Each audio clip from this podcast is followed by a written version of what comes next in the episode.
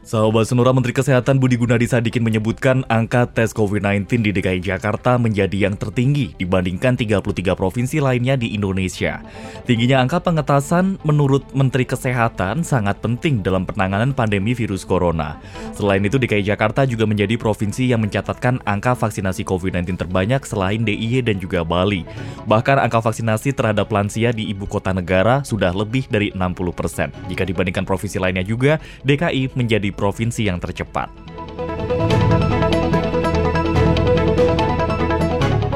Indeks harga saham gabungan di Bursa Efek Indonesia ditutup menguat 6,78 poin atau 0,12 persen ke 5.848 pada akhir perdagangan Jumat sore.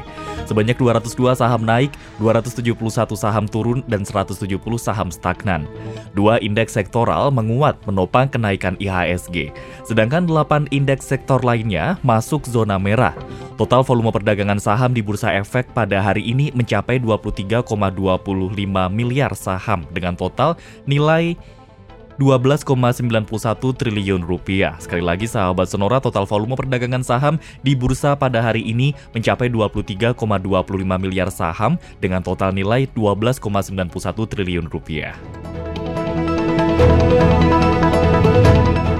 Dari mancanegara sahabat Senora, Jepang berencana memperpanjang keadaan darurat di Tokyo dan daerah lain sekitar 3 minggu hingga 20 Juni.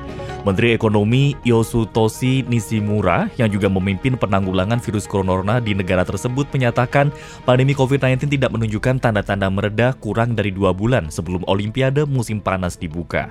Keadaan darurat di ibu kota dan juga delapan prefektur lainnya telah dijadwalkan berakhir pada 31 Mei. Namun ketegangan pada sistem medis tetap parah.